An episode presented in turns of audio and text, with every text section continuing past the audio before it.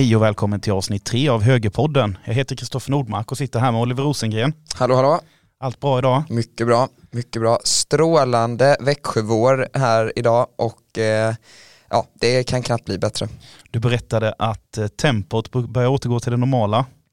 Ja, alltså det har ju varit lite sådär en period att, att man ska göra ungefär samma saker men det är på lite annat sätt. Och det här med liksom mötesmaraton med sammanträden som avlöser varandra från, från tidig morgon till, till åtminstone det börjar kurra i magen på kvällen. Eh, har ju faktiskt varit ganska borta en period eh, så att och jag gillar ju det där tempot men, men insåg idag här nu när jag stressade in fem minuter för sent här hit att eh, lite ovan vid nollbytessituationerna eh, efter, efter, det går snabbt att växla mellan två teamsmöten. Eh, så. Eh, så att, eh, men det är härligt att det börjar kännas att eh, det kommer viss återgång till normalläge innan det säkert går ner lite ändå över sommaren. Precis, jag, jag känner precis likadant. Jag som i mitt jobb som jobbar med försäljning som inte sitter i krisgrupper med anledning av Kina-viruset här. Så det känns som det börjar, samhället börjar vakna upp ur en eh, dvala här nästan. Nu ska vi ju dessutom snart få börja ta del av elitidrott igen. Det eh, känns ju som en glädjefest. Verkligen. Och det är viktigt för klubbarna också. Mm, eh, absolut. Så att, Kina-viruset, mm. det får man, man, man får visst kalla det Kina-viruset, men Wuhan-viruset Ja, det var ju, eh, det var ju eh, Ebba Buschs kommentar. Jag förstod det som att hon till och med hade fått någon slags eh, brev från, från ambassadören eller någonting i den stilen för det. Ja, jag är inte partiledare så det dimper väl inte in någonting hos mig men, men jag kallar det för Kina-viruset, det är ju från Kina. Så. Precis, nej du är ju inte partiledare än men nej, skämt åsido. Jag tycker det är anmärkningsvärt att Kinas eh, stat har eh, eh, åsikter om vad som sägs i, i Sveriges riksdag. Men verkligen och särskilt eftersom alltså, det finns goda skäl att vara tydlig med, med att ansvar ska utkrävas.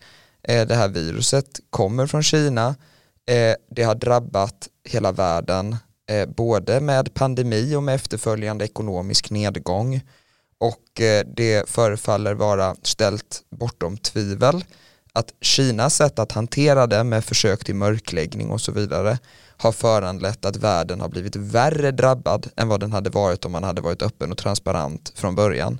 Så att eh, känslan är nog att, att eh, det är viktigt med ett ansvarsutkrävande här och att en början på ett sådant ansvarsutkrävande är att åtminstone vara tydlig med vad det är för något och det är ett Kina-virus.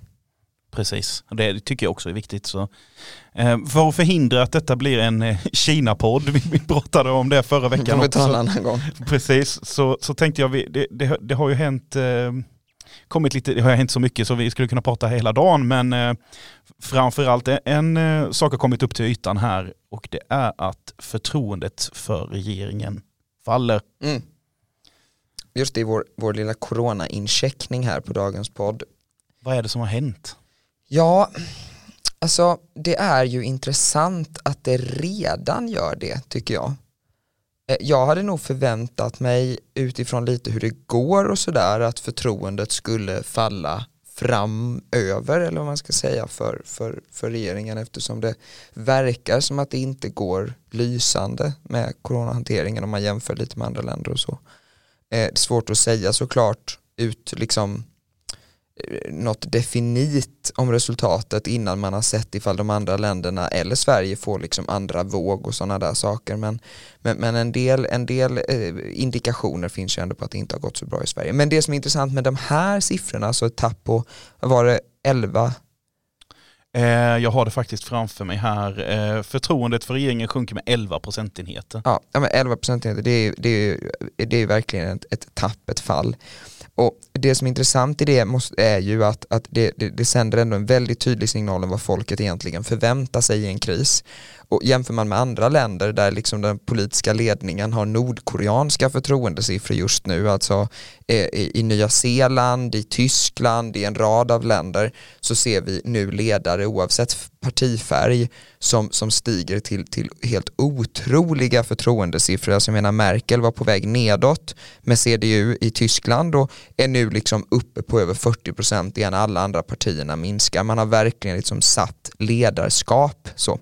Eh, svenska regeringen har ju valt den omvända strategin att undvika att synas, undvika att svara, hänvisa till andra. Och även om det är relevant och riktigt att använda experter på myndigheter och i forskning och så, så tror jag att folket förväntar sig att i en kris ska regeringen ändå stå på podiet, leda och fördela. Jag tycker Storbritannien har varit imponerande i just det avseendet. Där har liksom man lett dragningarna, men man har ändå låtit experterna föra talan så att säga i detaljfrågorna.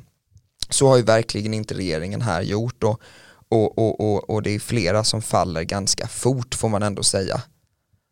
Eh, något som jag tänker som måste vara högst ovanligt är ju att eh, förtroendet för en myndighet faller så drastiskt som det gör. Man, det går ju även läsa här från SIFO att eh, eh Folkhälsomyndigheten faller från 78 till 70 procent. Mm. Det är också ett tapp och det börjar väl vittna då kanske om att man börjar tveka eller tvivla på, på förtroendet. Nu är ju fortfarande då de här 70 procenten 20 procentenheter högre än förtroendet för regeringen så att man litar fortfarande mer då på så att säga Folkhälsomyndigheten än på, på de som leder Folkhälsomyndigheten ytterst. Det är ju Ja, eh, men, men, men det, man, det börjar också tycker jag synas en panik hos regeringen alltså det senaste nu med Lena Hallengrens försök att skylla den bristande, eh, den bristande eh, testningen på Sveriges regioner och hävda att det är bestämt att det ska vara regionerna så att Irene Svenonius som är vår skickliga, vårt skickliga finansregionråd i Stockholm behöver rätta ministern och ta med ministerns egen coronastrategi, nationella strategin för hanteringen eh, och visa vad regeringen själv har presenterat ska gälla.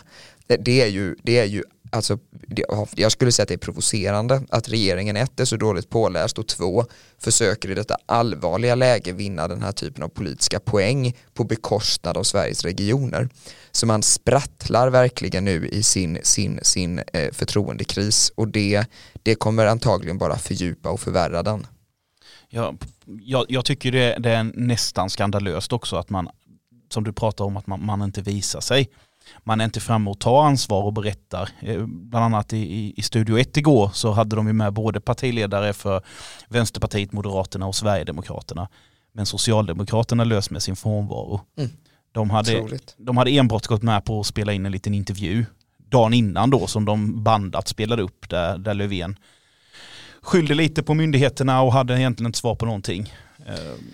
Han gjorde en intervju i Svenska Dagbladet här nu där det liksom, han beskrev hur frustrerad han var över det läget och så vidare. Och min spontana känsla var sådär, det låter ju som att, det låter ju som att Stefan Löfven behöver skriva ett argt brev till statsministern. Men det är synd att, så att säga, det, det rimligen då bara är han själv som sitter med möjligheten att hantera detta. Eh, och, och, och det verkar han själv knappt ens se. Och det tycker jag är oroande. Eh, och det tror jag kommer visa sig allt eftersom här nu att svenska folket ser igenom detta och också, också eh, är besvikna på detta. Vi får, vi får se, det mm. blir en följetong detta. Vi följer detta vidare. Dagens huvudämne. Mm. Jippi säger jag, arbetslinjen. Ja, detta är ju, är ju eh, verkligen favoritämnet för min del så att eh, det tycker jag ska bli jättespännande att prata med dig om arbetslinjen. Vi var ju inne och nosade på det i förra avsnittet och eh, när jag lyssnade i efterhand så blev det lite hackigt i vårt förra avsnitt för vi, vi, vi struntade i att prata om vissa delar för att vi, vi skulle ta upp det i detta avsnittet då. Vi vill inte för, så nu fyller vi ut ordentligt. Vi, vi kan säga man, man, ska, man ska lyssna på, för, på avsnitt två också. Ja, eh, det låter bra. För, för, för det. det ska man ju göra ändå. Men, men om jag börjar så här Oliver, vad är arbetslinjen för någonting? Mm för mig då i alla fall arbetslinjen, e, eftersom jag brukar säga att arbetslinjen är min ideologi så, så eh, e, är det ju eh, arbetslinjen någonting som kan vara väldigt olika för olika personer såklart vad man menar när man tänker på detta men om jag ändå ska försöka beskriva någorlunda för mig är arbetslinjen liksom det, det, den värderingssamling men också det reformprogram som är svaret på samhällsproblem med utanförskap. Alltså eh, om man tänker sig en, en liksom samhällsbeskrivning som ser ett problem som är utanförskap, människor som är utan arbete, egen försörjning och känsla av samhörighet och sammanhang och gemenskap. Eh, och arbetslinjen är då så att säga svaret på detta problemet, alltså eh, en, en, en politik som bygger på värderingar om strävsamhet, flit, slit, ansvar för sig själv, ansvar för vårt gemensamma, att alla ska ha möjlighet att vara med och bidra, att ge stöd och hjälp till den som behöver det så att den själv kan ta ansvar för sitt liv och så vidare. Här liksom idén om att alla ska kunna bli sitt bästa och växa med sin egen kraft, liksom som är värderingsgrunden på något sätt för arbetslinjen. Sen är arbetslinjen perfekt på det sättet höll jag på att säga, men briljant på det sättet att den både talar ett tydligt värderingsspråk om liksom ansträngning och att arbete ska löna sig. vi är ett land som är byggt liksom med arbete och ansträngning och samtidigt konkret också svarar på, på hur-frågorna. Alltså är en samling reformer som går att utvärdera och följa så att det också blir ett sammanhang till hur man ska åtgärda utanförskapet. Det är ju arbetslinjen. Man, man, när, när man tänker arbetslinjen, då tänker man ju många människor i alla fall, och jag tänker automatiskt på Nya Moderaterna, Fredrik Reinfeldt och Alliansen. Mm. Eh, men det började inte där va? Men arbetslinjen och, och, och, och liksom idéerna med, med eh, att, att stuva om den svenska politiken bort från det stora breda utanförskap som hade fått sprida ut sig under framförallt Göran Persson Eh, Göran Persson var ju på många sätt en skicklig finansminister, sen blev han statsminister och han var inte en lika skicklig statsminister. Eh, man gjorde ju omfattande försök att förbättra sin arbetslöshetsstatistik genom att då helt enkelt förtidspensionera hundratusentals människor, alltså flytta ut dem utanför arbetskraften. Och med risk då för att låta som att detta är en, en, en, en föreläsning från Statistiska centralbyrån i olika arbets, eh, statist, arbetsmarknadsstatistiska termer så finns det en sak som är viktig att hålla isär då. Arbetskraft, det är de som arbetar och de som vill arbeta och söker arbete, alltså de som har ett jobb och de som söker ett jobb. Och det är ju en del av befolkningen som då är arbetskraften. Arbetslöshet sen, när man pratar om liksom procent arbetslöshet, kan man ju tro att man mäter på befolkningen. Alltså antal som inte har ett arbete delat på befolkningen. Men det gör man inte. Utan eh, det mäter man ju på antalet som inte har ett arbete delat på arbetskraften. Så om du, det är detta som var så finurligt av Göran Persson, att om du då förtidspensionerar någon så att den inte längre söker jobb, ja då syns den inte heller som arbetslös trots att den är just utan arbete. Eh, och det, är ju, det, det, var ju en, en, en finurlig sak och när vi då beskrev, när, när nya moderaterna beskrev utanförskapet så satte man ju liksom ihop ett mått där man såg hela utanförskapet och, och lyckades på det sättet liksom ringa in det här samhällsproblemet med både arbetslöshet men också ett annat slags utanförskap. Då. Det, det måste väl ha, om man ser lite hur, hur man praktiskt använder det, för, för, om jag minns rätt, man arbetade fram den här modellen inför valet 2006. Mm. Man tillsatte ju på ett väldigt ansvarsfullt och väldigt ordnat sätt en grupp skickliga nationalekonomer och, och personer som förstår arbetsmarknad, ekonomi Eh, under dåvarande ledning av, av, Anders Borg som ju då var kanslichef och chefekonom för Moderaterna och som vid sin sida hade en uppsättning specialister och experter. Sen när, vi, när, när Fredrik Reinfeldt hade vunnit, vunnit valet med Nya Moderaterna och Alliansen och bildade regering så blev ju Anders Borg finansminister den enligt många då bästa finansministern, inte bara i Sverige utan, utan även långt utanför Sverige i modern tid. Eh, mycket tack vare krishanteringen som ju också visade sig vara ett område han redde ut. Men, men i detta handlade det om reformer kring arbetsmarknaden som Fredrik och Anders då gemensamt drev på många sätt. Han har väl även skrivit en bok om detta, bara för ett avsteg där? Absolut, och den rekommenderar jag alla som är intresserade av samhälle, politik och, eh, och liksom utveckling, reformarbete behöver, behöver läsa den, Anders Borgs bok. Den heter ju Finansministern. Eh, den beskriver väldigt väl vad det var som gjordes och hur det gick till. Jag tänkte jag ska ta itu med den men jag är lite dålig på att läsa fysiska böcker. Jag hade gärna lånat ut min till dig men den är tyvärr sönderkladdad med anteckningar och olika flikar och det ena med det andra så att jag tror att det bästa faktiskt är om du, om du, eh, om du läser en, en, en, en egen. Den, den, står på min lista men jag, jag, jag väntar på om, om, om du mot all förmodan skulle lyssna på detta Anders Borg så måste du göra den till ljudbok säger jag. Mm. Jag har sökt på... Ja, jo men jag vet att den finns som ljudbok. Mm. Därför att eh, en vän till mig som jag brukar gymma med eh, har lyssnat på den som ljudbok. Han lyssnar alltid på ljudböcker och han har lyssnat på den. Så att den finns som ljudbok. Jag vet inte på vilken ljudbokssajt men jag vet att den finns. Ja då ska, då ska jag leta mer rekommenderar jag alla andra också att göra det, så får vi se vem som slutför den först. Det är bra. Det var ett avsteg där så du får fortsätta. Ja, ja nej, men det, som jag, det som jag skulle säga var att, att eh, man gjorde ett gediget arbete med de här reformerna och det var ju en nyckel till att man lyckades. För att när man väl fick makten sen, då hade man liksom, man brukar, det finns beskrivningar om hur Anders Borg liksom steg in med en samling permar och bara liksom mer eller mindre la fram på bordet inför sin första budget och sa det här är utrett och klart, nu kör vi. Liksom. Och där kom ju några av de här riktiga eh, liksom, liksom, eh, regalskeppsreformerna med, med liksom, eh, eh jobbskattavdraget som ju är, en, som ju är så att säga, det, någonstans hjärtat i Nya Moderaternas arbetslinje och den arbetslinje man gjorde då eh, och med de, med, de då, med de då fem stegen som man gjorde under, under sina åtta år eh, av jobbskattavdraget och som ju sammantaget då har utvärderats och förväntas ha gett ungefär ett, 120 000 nya arbeten. Eh, så, att, så att där har vi ju verkligen liksom en effektiv, eh, eh, bra reform som både tog fler till jobb och såg till att människor fick mer pengar i plånboken. Mm, när man eh, googlar, lite för skojs skull, så, så googlade jag arbetslinjen här innan eh, vi, vi, skulle träffas. Mm.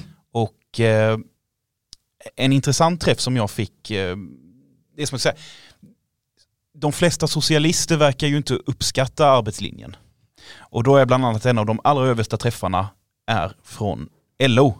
Mm. Och de skriver så här i en artikel som publicerades 2012 12 19 finns på deras hemsida. Höga ersättningar och höga krav. Efter 1990-talskrisen och särskilt med den borgerliga regeringens tillträde hösten 2006 har arbetslinjen förändrats till sitt innehåll. Arbetslinjen i arbetslöshetsförsäkringen har kommit att inriktas på ekonomiska incitament vilket innebär låg ersättning och hårdare kvalitetsfrågor. Det, artikeln fortsätter sen och de tar kraftigt avstånd från det då, mm. är min uppfattning jag får. Eh, varför är de flesta, jag vill inte säga alla för det vet jag inte, men de flesta vänsterpolitiker kritiska till arbetslinjen? Jag tror att det hänger ihop med att man är lite politiskt slapp och lat. Eh, så att man har svårt att se detta, att, att ha förväntningar och att ibland även göra det som inte känns bekvämt kan långsiktigt vara det bästa. Alltså att, att, att, att se en person som är utan arbete i ögonen och säga att nu kommer du behöva gå upp varje morgon, komma till den här aktiviteten och söka jobb varje dag det är klart att det inte är liksom en, en det, det, är inte en ballongfest att göra det. Eh, det känns inte så festligt, eh, utan det kan snarare vara väldigt jobbigt. Men den uppgiften för den enskilde är ju beviset på att samhället inte har gett upp på den här personen. Och därför så måste man ju helt enkelt stålsätta sig och göra de här sakerna som är viktiga. Att krav är att bry sig till exempel. Att, att det, finns, alltså det finns hyllmeter av forskning som visar att höjd ersättning, höjda bidrag ger högre arbetslöshet, längre arbetslöshetstider. Och det finns, jag läste till exempel, eh, läste om igår en doktorsavhandling av en, av en eh, nationalekonom som heter Susanne Ek som, som tittar på vad gör tusen kronor högre a-kassa. Eh, det, det, det sänker ju långsiktigt arbetsinkomsterna om man höjer bidragsnivåerna. Alltså så att vi är, vi, vi, det, det, fin, det finns liksom samlat robust stöd för att den här typen av bidragslinje som Socialdemokraterna företräder, alltså tar människor till arbetslöshet. Vill man inte ha arbetslösa, ja, då bör man företräda arbetslinjen. Eller kan man ju sjukpensionera dem sen, som det, det har man ju provat. Precis, det är ju Persson-modellen och det, det, det, är klart att för statistikens skull kan det ju se bra ut men för den enskilde är det ju, är det ju verkligen ett misslyckande och en, på många sätt ett tragiskt livsöde som man då, ja, helt eh, kalkylerat accepterar för att man ska förbättra sin statistik. Då föredrar nog jag, jag arbetslinjen före, före det. Ja men samma här. Eh, under alliansåren eh, så kan man väl ändå säga att grundstommen i alla reformer som man eh, genomarbetade och drev igenom grunden var arbetslinjen egentligen i alla reformer. Men vad skulle du nu på efterhand, om man säger efter de här åtta åren från att alliansen tog över 2006 till att man lämnade över till Socialdemokraterna, vad, vad hade arbetslinjen lett till? Det hade ju lett till, eh, dels så finns det ju utvärderingar, det finns en, en bra skrift som man tog fram på Finansdepartementet som heter Regeringens reformer för tillväxt och sysselsättning 2006-2014 som sammanfattar de budgetreformer som man gjorde under de åren. Då det får ju med nästan hela perioden. Och då har man liksom sammanställt en, en, en, en uppsättning av arbetslinjereformerna som genomfördes. Och i, i den då så talar vi i termer av mellan 270 och 250 tusen fler sysselsatta eller årsarbetskrafter då beroende lite på vilket av dem man väljer att räkna där. Jobbskattavdraget ju drar det stora lasset med nästan hälften av dem. Så, så det är ju ett tydligt exempel. Och de åtstramningarna i bidragssystemen som ju ofta är det som kanske framförallt då socialdemokrater vänder sig mot, man är i och för sig mot både sänkt skatt och sänkta bidrag. Men, men, men, men eh, de står ju, står ju i sin tur då sammantaget för, för ungefär 60 000 av, av den, här, eh, den här effekten då. Så att vi, vi, vi ser ju att, att de skatteförändringarna som man gjorde är ungefär dubbelt så effektiva som bidragsförändringarna men eh, i, i det läget vi är nu så är det ju helt annat. Vi kommer ju in på det lite längre fram här tänker jag mig men, men eh, de här reformerna med förändrad a-kassa, med förändrad sjukersättning, med, med jobbskattavdrag som är vad man brukar kalla för utbudsreformer, alltså reformer som gör att fler människor vill jobba och stärker, precis som LO vänder sig mot de ekonomiska incitamenten för att arbeta. Eh, det är ju det som brukar anses vara det mest effektiva. Sen innehåller ju arbetslinjen eller det reformprogram Alliansen gjorde även så kallade efterfrågereformer. Alltså reformer som exempelvis gör att företag vill anställa fler.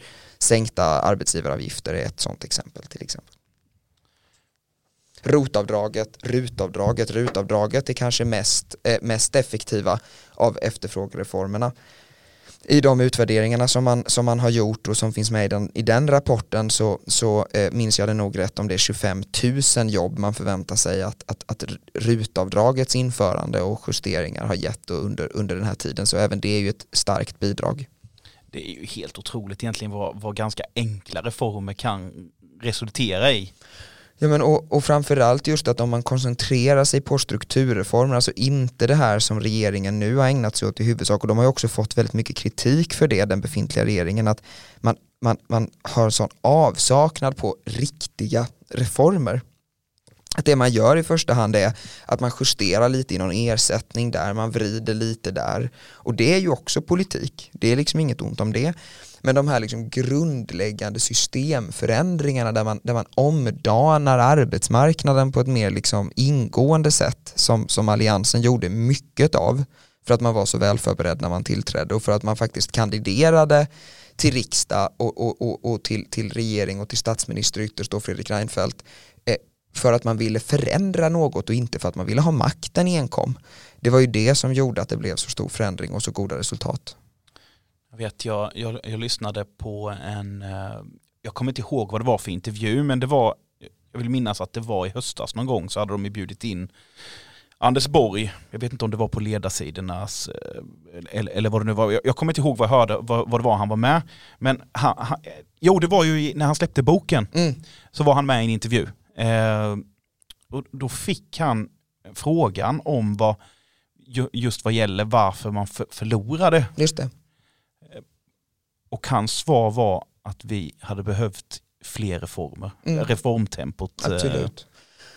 Han återkommer ju ofta till det i olika intervjuer som han gör att, att, att eh, hade man kommit in i Alltså 2006 var det reformfokus, 2010 var det krishanteringsfokus, 2014 var man ju ut ur krisen i rätt hög utsträckning och man hade behövt ha samma kraft i reformprogrammet som man hade 2006 in i 2014 om man skulle klara det, men det redde man helt enkelt inte ut. Och där tror ju Anders Borg och det finns inga skäl att ifrågasätta den analysen, att det är grunden till, till valförlusten, att sådana där andra analyser som, som migrationspolitiken och så, det är klart att det kan ha bidragit men att det stora tappet låg i reformlösheten, att man inte upplevde som att man hungrade tillräckligt mycket efter fortsatt förbättring av Sverige helt enkelt. Och vi kan väl se en del av de sakerna nu, vi berörde ju det även i förra podden, men man borde gjort mer kring bidragen, man skulle förberett och det gjorde man ju, man var ju redo med ett sjätte jobbskatteavdrag, man, man eh, eh, borde antagligen ha, ha eh, tittat mer ingående på arbetsrätten. Och det är ju något som just också Anders Borg har återkommit till flera gånger, att liksom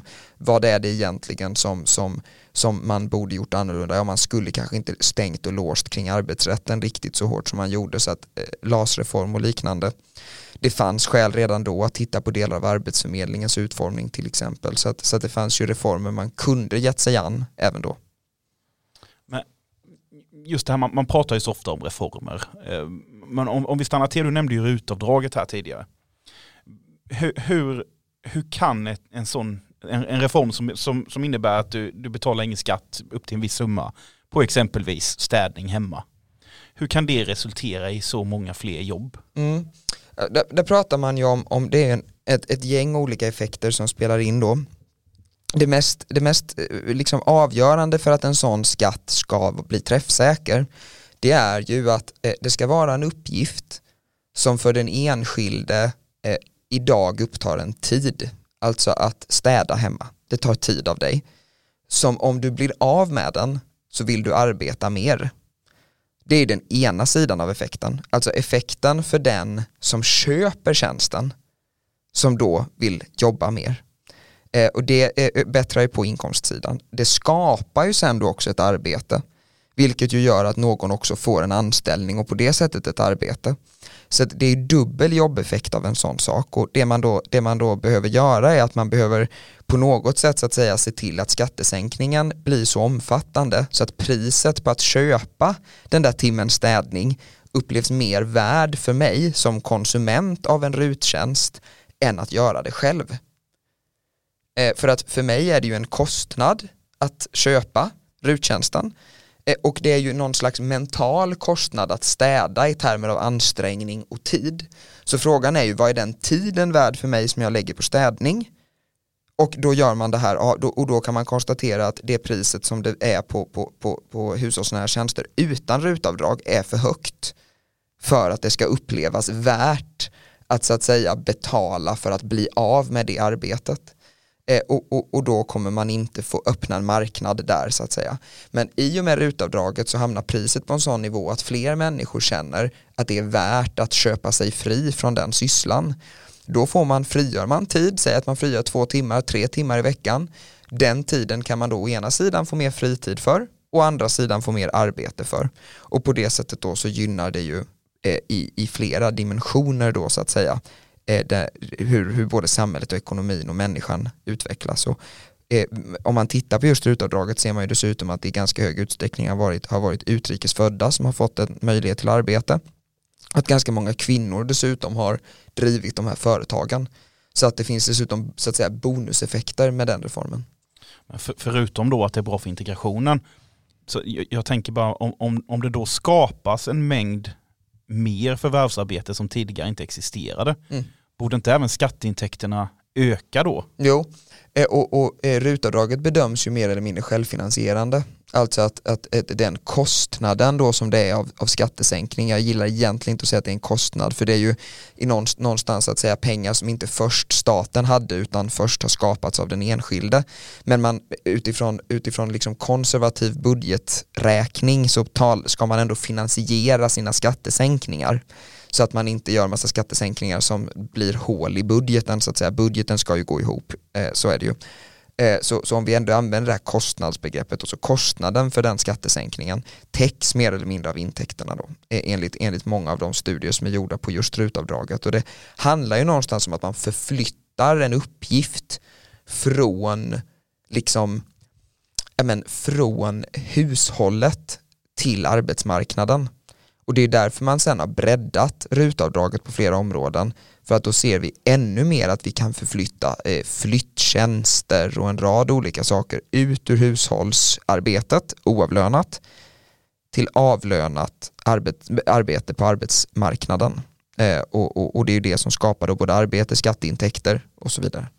Men varför skulle då vänstern vilja vara emot det här? För det vet jag ju att man ser ofta vänsterpolitiker och debattörer som, som inte tycker om rutavdraget för exempelvis då. Mm, ja, men å ena sidan är det ju av liksom ekonomiska argument, alltså ekono ekonomiskt politiskt är de i regel emot skattesänkningar, de tycker inte att man ska sänka skatt, de vill ha en stor stat och då måste man ha stora intäkter.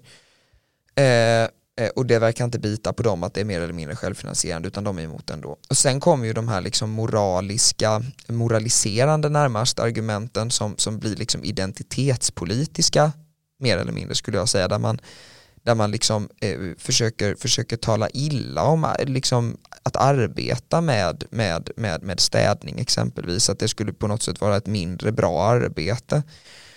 Den där, den där liksom eh, sättet att resonera har jag alltid motsatt mig väldigt djupt för att poängen, egenvärdet ligger ju i arbetet snarare än arbetets innehåll. Alltså ett arbete är så mycket mer än vad man gör för uppgifter. Det är liksom att känslan av att eh, längta efter en helg eller semester. Det är att ha arbetskamrater, att ha sina egna pengar i sin plånbok, att kunna kunna, kunna känna att man sparar till något man vill göra med sin familj eller sina vänner, att kunna liksom bjuda ut första dejten, alltså det finns så mycket omgärdande värden med arbete.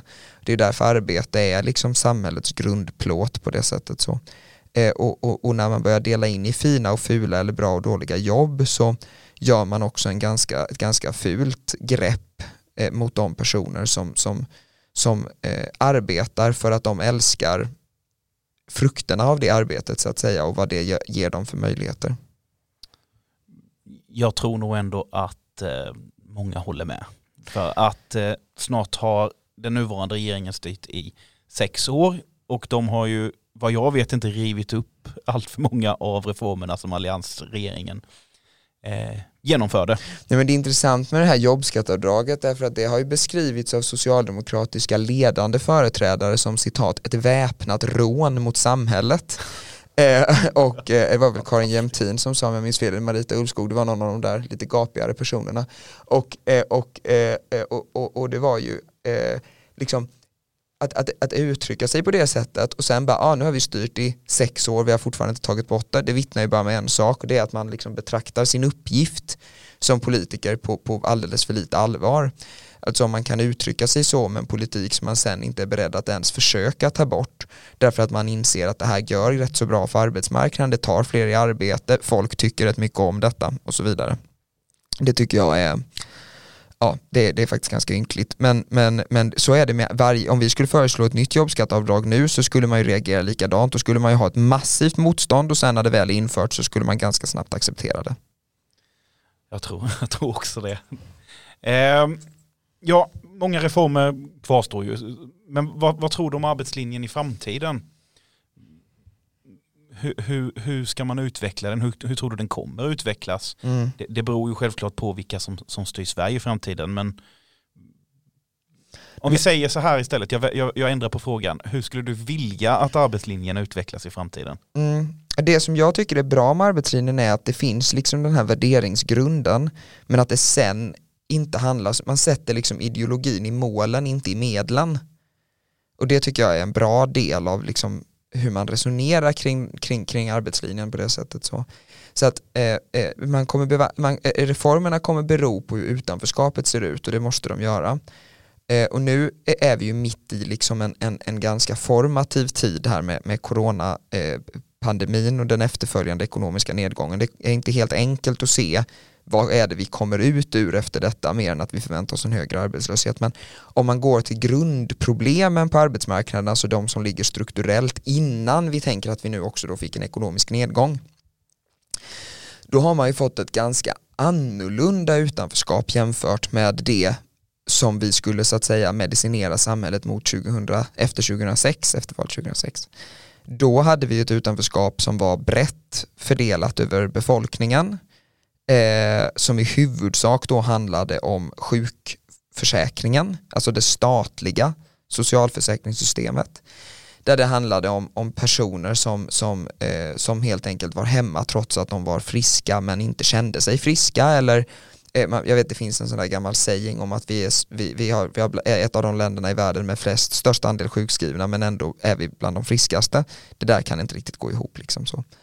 Det var ju då. Nu har vi ett helt annat läge där utanförskapet träffar ganska specifikt i vissa grupper och där det då dessutom är så att det i huvudsak finns i i, i, i kommunala bidragssystem, alltså ekonomiskt bistånd, försörjningsstöd, socialbidrag, chattbarn har många namn, men att, att, att det är där det finns framförallt och varför det kan man undra, jo de statliga bidragssystemen har ju i regel kvalificeringskrav. Du måste ha arbetat en viss tid för att kunna få a-kassa till exempel. Eh, och det gör ju att du istället då hamnar i det yttersta skyddsnätet eftersom du har kommit nyligen till Sverige eller är ung och då hamnar du i, i socialbidragen hos kommunerna. Så att nu har vi ett, ett, ett utanförskap som inte är brett fördelat utan snarare träffar framförallt personer med kort tid i Sverige och kort utbildning och som inte längre är i huvudsak en statlig kostnad. Bidragskostnaderna för staten minskar till och med tror jag. Eh, att de fortfarande gör, de, de, har gjort det över en tid i alla fall. Eh, och och eh, istället då träffar kommunerna rakt in i kassan så att säga. Så att, så att det är ett helt nytt utanförskap som då kräver helt nya reformer och där bidragssidan nog är den som verkligen behöver utvecklas mest. Vi, pratade väl om det i förra avsnittet också, Solna-modellen eller Växjölöftet som, som, som du driver här i, i, i Växjö då. Eh, det känns ju som att det är en enormt viktig del eh, i framtiden då. Ja, att kommunerna gör sitt bästa utifrån givna förutsättningar, det är ett måste. Eh, sen så behövs ju också bättre stöd från staten i detta, alltså det finns en rad reformer man behöver genomföra nationellt för att det ska bli enklare att driva lokal arbetslinje. Men, men eh, absolut att det är så att det krävs eh, nationella krafttag när det kommer till inte minst då bidragspolitiken. Det måste löna sig mer att jobba, det behövs bidragstak, det behövs högre grad av kvalificering in i systemen. Det behövs ett, ett, ett skarpare aktivitetskrav, alltså möjlighet att kräva motprestation för att man ska få ett bidrag. Eh, eh, skatterna behöver ner framförallt på små inkomster så att vi ändå ser till att det, det lönar sig mer att arbeta. Så det finns en rad saker att göra eh, fortfarande. Det är långt ifrån färdigt, det blir det aldrig. Då, då känns det rätt jobbigt när vi är på väg in i en sån här eh, recession där arbetslösheten kan stiga att man försöker höja a-kassan. Jag vet inte om man redan har gjort det. Jo, man fattade ju beslut tidigt här om att man både skulle plocka bort flera av kraven och höja ersättningen. Och det är ju, eh, är ju eh, en åtgärd som måste backas så snabbt som möjligt. Eh, så är det ju. Och, och ehm, det är oroande. Socialdemokraterna tar liksom chansen här i coronapandemin att försöka höja bidrag. Det förvånar mig inte är det förvånar mig mer att Centern och Liberalerna går med på det och låter sig luras liksom. Men förhoppningsvis kan de hjälpa till att backa detta sen för det skulle ju vara skrämmande om centerpartister och liberaler bidrog på ett sånt här sätt till liksom ett, ett, ett riktigt hjärtskott mot arbetslinjen. Ja, de, de eh, lever efter, verkligen efter Churchills ord här. Vad var det han sa? Never waste a good crisis. Just det, ja, men Socialdemokraterna försöker verkligen fånga upp eh, den möjligheten att, att, att eh, göra bidragsförändringar och, och, nu lyckades väl, och det får man väl anta är C och L, är de tidsätta detta. Och det gäller ju bara att hålla på den tidsättningen då. Jag, jag såg faktiskt under, under vår inspelning här så fick jag en eh, pushnotis från Dagens Industri. Jag har inte hunnit läsa hela här men, men nu verkar ju faktiskt Centerpartiet också ställa, sätta ner foten här. Det, det är väl mer mot coronastrategin då. Men, men det, det, känns ju ändå intressant att eh, även de eh, vågar vara kritiska mot regeringen nu. Ja men förhoppningsvis så lyckas vi se, lyckas man se här nu att det här håller inte och att det då börjar dra faktiskt mot att man kommer till insikt om att det behövs en ny regering, ett nytt ledarskap eh, och att eh, argumentet liksom att jo, jo men vi har ju fått igenom bra politik, ja men med en motsträvig regering Alltså eh, man, man vill rimligen göra sin politik med någon som i grunden tror på den och alliansen, jag tycker det var framförallt Maud Olofsson som har pratat om det tror jag tidigare, Centerpartiets partiledare. Att det bästa med alliansen eller allians för Sverige som det hette då var ju faktumet att man hade samma värderingsgrund och långsiktiga liksom inställning om Sverige. Och det gjorde ju att även om man tyckte olika på marginalen eller till och med om stora saker så vandrade man åtminstone åt samma håll.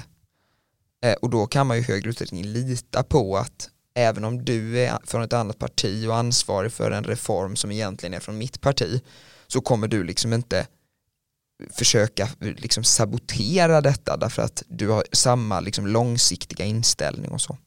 Eh, där, där har vi ju tappat en del, det får man ju ändå säga. Man, man, känner ju verkligen det med den regeringen vi har nu. För om, om man läser Reinfeldts eh, bok, eh, Halvvägs heter den va?